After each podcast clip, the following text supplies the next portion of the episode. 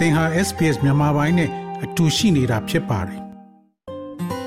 SBS မြန်မာပိုင်းကို အင်ကာနဲ့စနေနေ့ည10:00နာရီမှနားဆင်နိုင်တယ်လို့အွန်လိုင်းကနေလည်းအချိန်မီနားဆင်နိုင်ပါပြီ။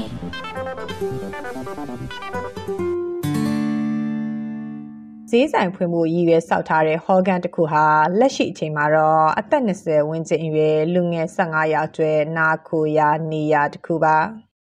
လူတယောက်အိပ်ရာတစ်ခုနှုံနဲ့အခန်းထဲမှာကက်ရက်စီတည်ရှိနေပြီးအဲ့ဒီထဲမှာဝါးကလေးငယ်တစ်ခုလည်းရှိနေပါတယ်။အဲ့ဒီကရင်ကောင်းရင်ဘေးမှာတော့ခြေတုသုံးခုနဲ့အတူဂျိုင်းတောက်တစ်ခုကတ်ထောင်ထားတာကို တွေ့ရပါတယ်။ဒီလူတွေကတော့ကြော်လန်ရေးကာလမှာမိုင်းဆန်သက်ရင် မတော်တဆပောက်ကွဲသွားလို့ကိုလက်အင်ကာဆုံးရှုံးခဲ့ရသူတွေပါ။ ရဲဘော်12ယောက်ထဲမှာ6ယောက်ကြာဆုံးခဲ့ပြီးကြံသူတွေကတော့ခြေလက်ပြတ်တောက်ခါကိုလက်အင်ကမစုံလင်ဘဝနဲ့ကြံရှိခဲ့ကြပါတယ်။ဒီလိုဆုံးရှုံးခဲ့ရပေမဲ့သူတို့တွေဟာဘဝကိုအရှုံးမပေးဘဲတခြားကိုလက်အင်ကဆုံးရှုံးခဲ့ရသူတွေအတွက်စိတ်တက်အင်အားပြန်ဖြည့်ဆည်းပေးနိုင်ဖို့စားဘဲကြီးနာမည်နဲ့အွန်လိုင်းကနေတဆင်အစာအစာတွေချက်ရောင်းနေကြပါတယ်။ အဲ့ဒီကနေရလာတဲ့ငွေကြေးတွေကိုစစ်အာဏာရှင်စန့်ကျင်ရေးຫນွေဦးတော်လှန်ရေးအတွက်ပြန်လည်အသုံးချနေကြတာပါသူတို့အတွက်တော့ကိုလက်အင်္ကာတွေဆုံးရှုံးခဲ့ရပေမဲ့တက်မရရင်လက်ထိုးလော်မယ်ဆိုတဲ့စိတ်ဓာတ်နဲ့ဆက်လုပ်နေတာဖြစ်တယ်လို့စားပဲကြီးအစီအစဉ်ကိုအကောင့်ထဲဖော်ခဲ့တဲ့ရဲဘော်တော်ဝက်ကပြောပါတယ်ကျွန်တော်ဗာတွေးခဲ့တယ်အရင်ကဟာငါဓာကြီးပြီးသွားရင်ရောငါအေးစီတက်တက်လာရောငါပျော်ပျော်ကြီးနေမယ်ဆိုတဲ့အတွေးပေါ့နော်မှန်တော့မပြောနိုင်ဘူးအဲ့တော့အဲ့လိုဖြစ်တော့တဲ့ကျွန်တော်ပြောအောင်မလုပ်အောင်မလို့ဆိုဘေးက ညီကိုမောင်နှမတွေလိုတယ်ညီကိုမောင်နှမဆိုဒီရဲဘော်ရဲဘက်ညီကိုတွေလိုတယ်အားပေးအားမြဖို့လိုတယ်ပြီးနောက်တစ်ချက်ကကြတော့နေထိုင်နဲ့စားရေးတောက်ယူပေါ့နော်အဲ့ဒါလည်းတော့သူတို့အဆင်ပြေအောင်လုပ်ပေးနေပါတယ်လိုအပ်တာတွေပြပြပေါ့နေထိုင်စားရေးတောက်ယူလိုတယ်စိတ်သက်ခွန်အားပေးဖို့လိုတယ်အဲပြီးရင်အဲ့သူတို့အလုပ်တစ်ခုခိုင်းနေဖို့လိုတယ်ဘာလို့လဲဆိုတော့ဘာလို့အလုပ်တစ်ခုခိုင်းတာလဲမင်းကကွာဒီတော့ဖြစ်နေအောင်မညာမတိုင်းမင်းမို့ပြောရလိုက်တာလို့ပြောရင်ပြောနေမယ်ကျွန်တော်ပြောချင်တဲ့အဓိကအကြောင်းကဘာလို့အလုပ်ခိုင်းမှာဆိုတော့ ဘယ်လိုပြောမလဲစိတ်လေးနည်းနည်းပျောက်သွားအောင်လို့ဗျာတည့်ရတာချို့လူဆိုစိတ်ထဲနှစ်လိုက်ရင်ဒီဖြစ်နေရဟာကြီးပျောက်ပျောက်သွားတာရှိရတယ်အဲအားကြောင့်လို့လုံနိုင်တဲ့အလုပ်လေးပေါ့နော်အဲ့လိုအလုပ်လေးတစ်ခုကိုစီမံပေးထားခြင်းနဲ့ဘာလို့လဲဆိုတော့အဲ့အမှသူလည်းနောက်ဒီတိုင်းဆက်ရိုးနဲ့ဒီတိုင်းဆက်သွားမယ်ဆိုရင်အဆင်ပြေမှာလေမဟုတ်ရင်အဆင်ပြေမှာမဟုတ်ဘူးသူတို့တို့လည်းအခုတော့ကျွန်တော်တို့လည်းအာဒီစားဘေးဆိုတဲ့အစီအစဉ်နဲ့ဩအာနောက်ကျရင်ဘာဆက်လုပ်လို့ရတယ်ဆိုတော့တော့သူတွေးသွားလို့ရတယ် စစ်ကောင်စီကိုခုခံတော်လှန်မှုအတွေ့ရဲဘော်တော်ဝက်တို့လိုပဲပြည်သူ့ကာကွယ်ရေးတပ်ဖွဲ့ဝင်တွေဟာ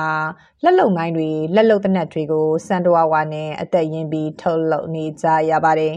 ။ချင်းပြည်နယ်စကိုင်းတိုင်းနဲ့မကွေးတိုင်းတို့မှာတင်မိုင်းဆက်သက်ရင်မတော်တဆပောက်ကွဲပြီးခြေလက်အင်ကဆုံးရှုံးခဲ့ရတဲ့ဒေသခံကာကွယ်ရေးတပ်ဖွဲ့ဝင်အရေးအတွက်အနည်းဆုံး30ကျော်ရှိတယ်လို့မီဒီယာတွေမှာဖော်ပြချပါတယ်။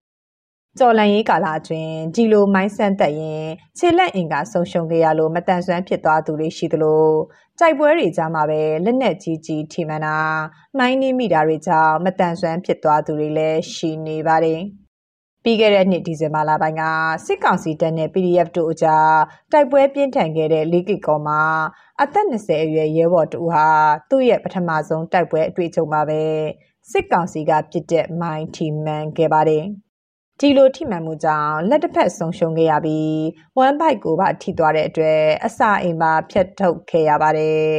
။အခုလက်ရှိအချိန်ထိစေကုသနေရဆဲဖြစ်ပြီး80ရာခိုင်နှုန်းလောက်အထိတက်တာနေပေမဲ့နေပြန်ကောင်းလာခဲ့ရင်ကြော်လန်ရေးမှာဆက်တိုက်ပွဲဝင်သွားအောင်မယ်လို့သူကဆိုပါတယ်။ကျွန်တော်ကဒီထဲကိုလာတယ်ဆိုတော့ဟိုကဒီဆက်ရနာကျွန်တော်တော်လန်မှုလာခဲ့တာလေကျွန်တော်ထိသွားတယ်ဆိုတော့တကယ်တီသွားခဲ့တော့မှကျွန်တော်တို့ကနားရရစရာမရှိဘူးလေဘလုံးမှစေးပြီးကုသရစရာမရှိဘူး ထိပေါ်ပါကျွန်တော်ပြန်ကောင်းသွားလို့ရှင်တွေပြန်ကောင်းသွားဆိုရင်ကျွန်တော်ပြန်တိုက်မှာပြန်ဝင်ပါပဲအဲ့ဒါပဲကောင်းရမှရှိတယ်ပဲကျွန်တော်တော့ဘာမှမရှိဘူးတခါကြတော့လေအင်းကိုအရင်လွမ်းတယ်ဗျအဲ့အဲ့အင်းကိုလွမ်းတဲ့ချိန်ကျရင်စိတ်တက်ကြတာဗျအင်းနဲ့အဲ့မကွဲကဘူးတော့လေအရင်စိတ်တက်ကြတာပေါ့ဒီနေ့တငယ်ချင်းတွေရတယ်ကုညီဘွာဖြစ်ပြီးတော့စကားအဲ့ဟိုအကြီးမဲ့စကားရောဝိုင်းပြောပြောခဲ့တာပေါ့။ဒါမှညတော့လည်းစိတ်သက်ကြမယ်မှန်းတော့မသိတော့ပါဘူး။တင်းတင်းမတင်းဆိုတော့ရှင်ဒါနှစ်ခုပဲရှိတာလေ။အင်းကဒီကုန်းကိုရွေးချယ်လာတဲ့လမ်းကိုပြီးတိဆက်ဆော့ပဲ နိုင်ငံအနှံ့မှာဖြစ်နေတဲ့တိုက်ပွဲတွေကြောင့်ဆစ်ဆောင်နေရတဲ့ပြည်သူတွေဟာသူတို့နေရက်ကိုခဏပြန်ချိန်မှာတော့မိုင်းနှင်းမိတာတွေမကြခဏဆိုသလိုကြုံတွေ့နေရတာပါ။ကရားပြည်နယ်မှာဆိုပြည်သူ90ကျော်လောက်နဲ့ကာကွယ်ရေးတပ်ဖွဲ့ဝင်100ကျော်လောက်မိုင်းကြောင့်ထိခိုက်ဒဏ်ရာတွေရနေတယ်လို့ကရင်နီလူအခွင့်အရေးအဖွဲ့ကနေသိရပါတယ်။ ခြေလက်အင်ကဆုံးရှုံးလောက်တဲ့အထိပြင်းအားများပြီးနိုင်ငံတကာရဲ့စစ်ဥပဒေမှာတားမြစ်ထားတဲ့မိုင်းတွေကိုစစ်ကောင်စီကအသုံးပြုတာတွေများနေတယ်လို့ကရင်နီလူခွင့်ရေးအဖွဲ့ဒါရိုက်တာကဆိုပါတယ်။မြေမြုံမိုင်းကြောင့်ဒေသခံပြည်သူတွေအထူးကအရေးအတွက်အများဆုံးနဲ့ကရင်နီပြည်နယ်လည်းပါဝင်နေတာပါ။ နိုင်ငံတကာလူအခွင့်အရေးအဖွဲ့ဖြစ်တဲ့ Amnesty International ကလည်းကရားပြည်နယ်တွင်စစ်ကောင်စီအဖွဲ့တွေမြေမြုံမိုင်းအများပြအသုံးပြုလာတာဟာရာဇဝတ်မှုမြောက်တယ်လို့ပြီးခဲ့တဲ့ဇူလိုင်လအတွင်းကထုတ်ပြန်ထားပါတယ်။စစ်တပ်အရက်ဖက်ပြစ်မှတ်မခွဲထားပဲမြေမြုံမိုင်းတွေအသုံးပြုတာတွေကြောင့်အရက်သားထိခိုက်ဒေဆုံးမှုများလာတာဖြစ်တယ်လို့ထုတ်ပြန်ချက်မှာပါဝင်ပါတယ်။ စစ်အာဏာသိမ်းပြီးတော့တနစ်ကျော်ကာလအတွင်းမြေမြုံမိုင်းနဲ့ပောက်ကွဲစေနိုင်တဲ့ပစ္စည်းတွေကြောင့်ကလေးငယ်တွေပါဝင်အယက်သား1600ကျော်တည်ဆုံးခဲ့တယ်လို့လည်းကုလသမဂ္ဂကထုတ်ပြန်ထားပါတယ်။ဒါကြောင့်အယက်သားထိခိုက်မှုတွေတည်ဆုံးမှုတွေနဲ့အောင်ကရားပြည်နယ်အတွင်းမိုင်းအန်နီရဲ့တတိပေးတဲ့ပညာပေးတွေလှုပ်ဆောင်တင်နေပြီလို့ကရင်နီလူခွင့်ရေးအဖွဲ့ဒါရိုက်တာဥပညာကပြောပါတယ်။ မိုင်းအန်ဒီရဲ့ပညာပေးလုပ်ငန်းတွေကကျွန်တော်တို့တက်တက်အခုလုပ်ဖို့လိုအပ်တယ်ကျွန်တော်တို့ပြင်အခုအခုချင်းပြောရမယ်ဆိုတော့အဖူဆိုမျိုးနဲ့လက်ကွာမျိုးနဲ့ဒီမော့ဆိုမျိုးနဲ့ဆိုရင်အဖူတိစစ်ပွဲဖြစ်နေအခုတောက်လျှောက်ပါတော့ကာနာမကြီးနဲ့ဒီနာမှာအပွားဝင်အပွားဝင်ရှိတဲ့နေရာတိုင်းမှာကျွန်တော်မိုင်းတွေမိုင်းတွေကအများများလုံးသွားပြီဒီ mining ပေါ့နော် mining ကပြန်ချင်းနေလုပ်ငန်းတွေကိုဒီကဲကိုခုအခုချင်းနေရစပြီးတော့နိုင်ငံတွေကအဖွဲ့အစည်းတွေစပြီးတော့မှအဖီမဆွဲဖို့ လိုအပ်လာပြီလို့ကျွန်တော်ပြောလို့ရပါတယ်အဲ့တော့အခြားတစ်မှာကလည်းဒီဒီမိုင်းတော်တော်မှုတွေကိုကျွန်တော်ပြည့်တဲ့ကျွန်တော်ကကကွက်ပို့ရပါတယ်အထူးသဖြင့်ဆက်ပြီးမိုင်းဆိုဆက်ဆောင်မိုင်းဆိုတာကကျွန်တော်တို့နိုင်ငံတကာမှာလည်းတန်းနေထားတဲ့အာကျွန်တော်တို့မိုင်းတွေဖြစ်လို့ပေါ့အထူးသဖြင့်ဆက်ပြီးမိုင်းတွေပေါ့နော်အော်အဲ့ဒီမိုင်းတွေကိုအတော့ပြုနေတဲ့ထူးထူးစစ်ကောင်စီကိုကျွန်တော်ပြည့်တဲ့တိုင်ကံကံကတက်တာတွေနောက်ဥပဒေကြောင်းရပါတော့နိုင်ငံတကာဥပဒေကြောင်းရဒီလိုနဲ့အောင်ကျွန်တော်တို့ကပိတ်ဆို့ရင်းမှုတွေဒီချက်အာလုပ်ဖို့လိုအပ်တဲ့အချိန်မှာကျွန်တော်တွေ့ရပါတယ်ခင်ဗျ ဒီလိုမျိုးတိုက်ပွဲတွေကြောင့်ကြော်လန့်ရေးကာလအတွင်းထိခိုက်ဒဏ်ရာတွေရရှိပြီးမတန်ဆွမ်းဖြစ်သွားသူတွေရှိသလိုတော်လန့်ရေးမစခင်ကတည်းကစစ်အာဏာရှင်စန့်ကျင်ရေးမှာပါဝင်ရင်ဘဝစတိခံလိုက်ရတဲ့မတန်ဆွမ်းတွေလည်းရှိခဲ့ပါတယ်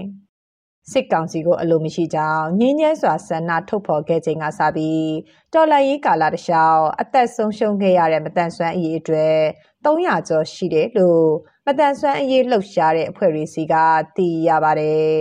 ။ဒါအပြင်ပြီးခဲ့တဲ့နှစ်မက်စလာလောက်ကစစ်ကောင်စီတပ်ရဲ့ကြည်အစစ်နဲ့တပိတ်တွေကိုပြစ်ခတ်ဖြိုခွင်းနှိပ်စက်မှုကြောင့်ခန္ဓာကိုယ်အနှံ့မီးလောင်ခဲ့ပြီးညာလက်ပြက်ကမျက်စိတစ်ဖက်ဆုံးရှုံးခဲ့ရတဲ့မကွေးကအင်ဂျင်နီယာကျောင်းသားကိုလျံဖြိုးအောင်ကိုစစ်ကောင်စီကစေကူတာခွင့်မပေးဘဲအကျဉ်းချခဲ့ပါတယ်။ သူ့ကိုစစ်ဆေးရုံမှာပဲစေကူတောက်ခွင့်ပေးပြီးထောင်တွေတစ်ခုပြီးတစ်ခုပြောင်းကနောက်ဆုံးမှာတော့အလုတ်ကျန်းနဲ့ထောင်ဒဏ်၃နှစ်ချမှတ်ခဲ့ပါတယ်။ကြော်လိုက်ရေးကာလအတွင်းကိုလက်အင်ကချုပ်တဲ့သွားလို့မတန်ဆွမ်းဖြစ်သွားသူတွေဟာအများအပြားလူငယ်အရွယ်ဝင်းကျင်တွေပါ။ ဒီလိုလူငယ်တွေအတွက်အရေးကြီးဆုံးကစိတ်တက်မြင့်တင်ပေးဖို့လိုတယ်လို့ပြောလာသူကမတန်ဆွမ်းသူများခွင့်တူညီမျှရေးညှိနှိုင်းရေးကော်မတီဥက္ကဋ္ဌဦးဇော်လင်းချောမဒီကာလမှာအရေးပေါ်လူအပ်တာကတော့လူသားချင်းစာနဲ့ထောက်တဲ့ရေးဆိုတဲ့အကူအညီတွေအခြေအနေခက်ခဲတွေဒါတွေကတော့လူတိုင်းမှာလိုတာဖြစ်တယ်အဲ့တော့ဒီကာလမှာမတန်ဆွမ်းသူတွေလည်းဒါတွေကို လက်လက်ပြီးရဖို့တော့ပါတယ်ခဲရင်းတဲ့အခြေအနေမှာရှိတယ်ဒီလိုမျိုးအခုအခုညီတွေရောခုနကတော့ဝန်ဆောင်မှုတွေမရဘူးဆိုလို့ရှိရင်မတန်ဆန်းသူတွေဘာဖြစ်မလဲဆိုနံပါတ်1ဖြစ်မှာမိသားစုမှာဝန်ထမ်းဝန်ကိုဖြစ်သွားတယ်မျောလင့်ချက်မရှိတဲ့လူဘဝကိုပဲတစ်ခုအနေနဲ့ပဲဖြစ်သွားတာပေါ့သူ့ရဲ့ကာယကရှင်ကိုယ်တိုင်ရဲ့လှုပ်ချင်တဲ့ကံကျင်တဲ့စိတ်တိုးတက်ချင်တဲ့စိတ်တွေမရှိတော့ခုစကျွန်တော်တို့လူပိုင်းဆိုင်ရာတွေတိကျတယ်မို့စိတ်ပင်းဆိုင်ရာပါပါ ဒေါသဖြစ်တာတွေစိတ်စိတ်မရှိတာတွေဒါမျိုးတွေအမျိုးမျိုးကြုံတွေ့ခဲ့ရတာပေါ့နော်ခုပြောင်းလဲသွားတဲ့အခြေအနေကိုလည်းသူလက်ခံဖို့အတွက်ကိုစိတ်ပိုင်းဆိုင်ရာပြန်လည်ထူထောင်ရေးလို့ဒါတွေလည်းဒီချိန်မှာလိုအပ်ပါတယ်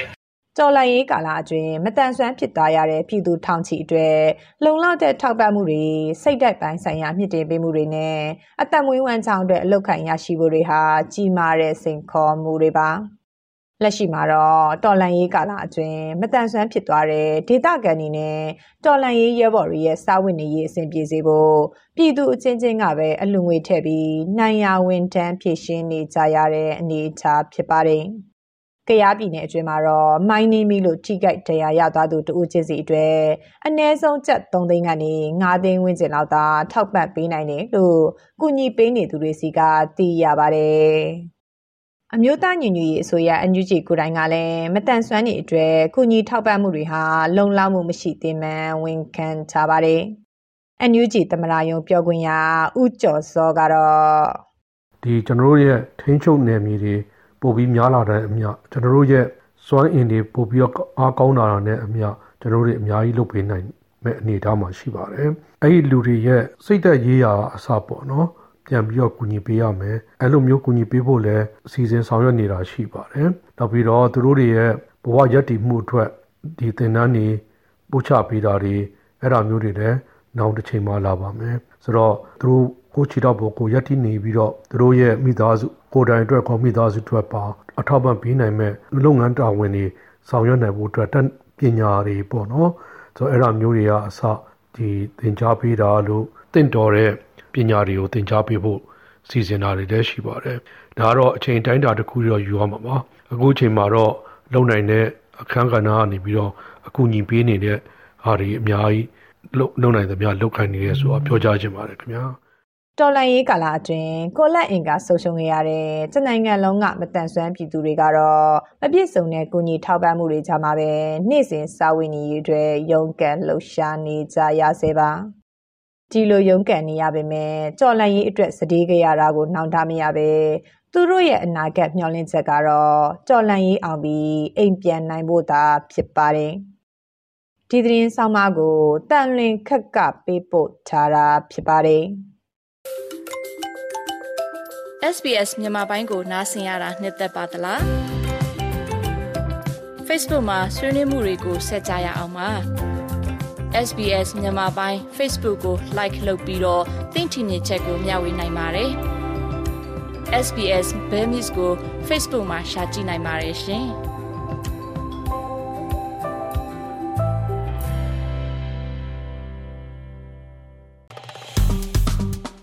SBS မြန်မာပိုင်းကို Facebook ပေါ်မှာ like ရှာပြီး like မျှဝေမှတ်ချက်ပေးပါ။